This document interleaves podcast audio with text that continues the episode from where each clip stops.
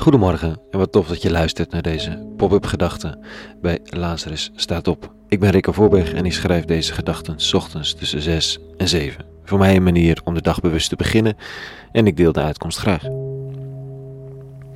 Vandaag met de titel De bergen zullen vrede brengen.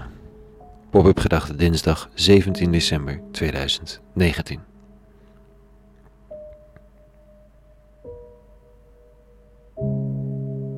Een laatste pop-up gedachte vanuit Bosnië. Als tenminste onze vlucht hier vertrekt.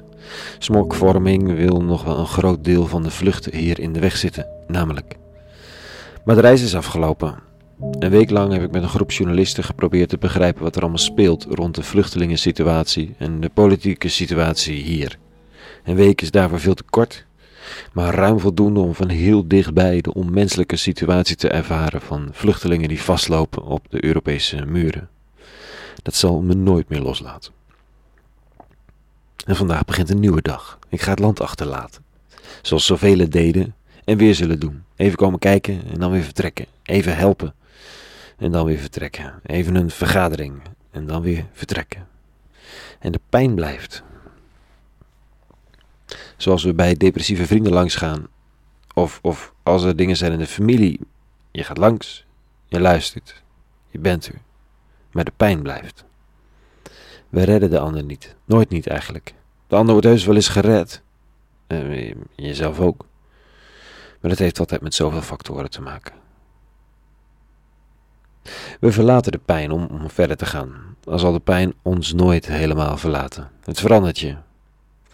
En terwijl er vannacht weer mannen, hopelijk geen vrouwen en kinderen, hoogstwaarschijnlijk in de Bosnische Kroatische bergen lopen, in de hoop dat ze deze keer niet gepakt zullen worden, dag in, dag uit, zo diep mogelijk dat Europese land in, berg naar berg en heuvel.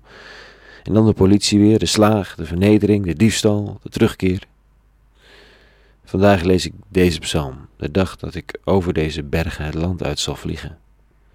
Beetje vliegschaamte hier hoor, maar ja, nee, alles afwegend, toch maar voor vliegen gekozen. In elk geval, dit is de psalm. Een stuk poëzie van een vroege dichter uit de mensengeschiedenis. En hij schrijft: De bergen zullen de vrede brengen, de heuvelen gerechtigheid voor het volk. Mogen hij recht doen aan de zwakken, redding bieden aan de armen. Mogen in zijn dagen de rechtvaardigen bloeien, de vrede wereldwijd zijn, tot de maan niet meer bestaat. Mogen hij heersen van zee tot zee, van de grote rivier tot de einde der aarde. Dat de bergen van Bosnië vrede mogen brengen in plaats van slaag. Vrede voor migranten, vrede voor de locals. Ook voor de Bosniërs is het een niet te verdragen zaak. Ook hun heuvels zijn een podium van onrecht en ellende geworden. Mogen er iemand recht doen aan de zwakken? Oh, dat trouwens lang niet altijd zij, zij die de berg oversteken. Ze zijn de sterke in een uiterst kwetsbare positie, dat wel. Ja, en ik ga de vrede niet brengen, maar er was een hardnekkig, hardnekkig gerucht. Hardnekkig gerucht.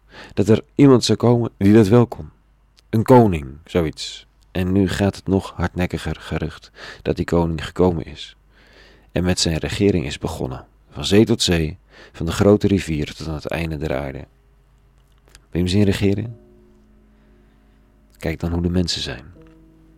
Overal waar de liefde werkt, waar mensen geraakt worden door onrecht en zich uitspreken, overal waar mensen van elkaar houden dwars door verschillen heen, daar is die regering zichtbaar. De rest van de regering is tijdelijk, deze blijft. En aan mij de taak om steeds weer deelnemer te zijn van dat koninkrijk. Tot zover reageer een deelverhaal en voor nu vrede. En alle goeds.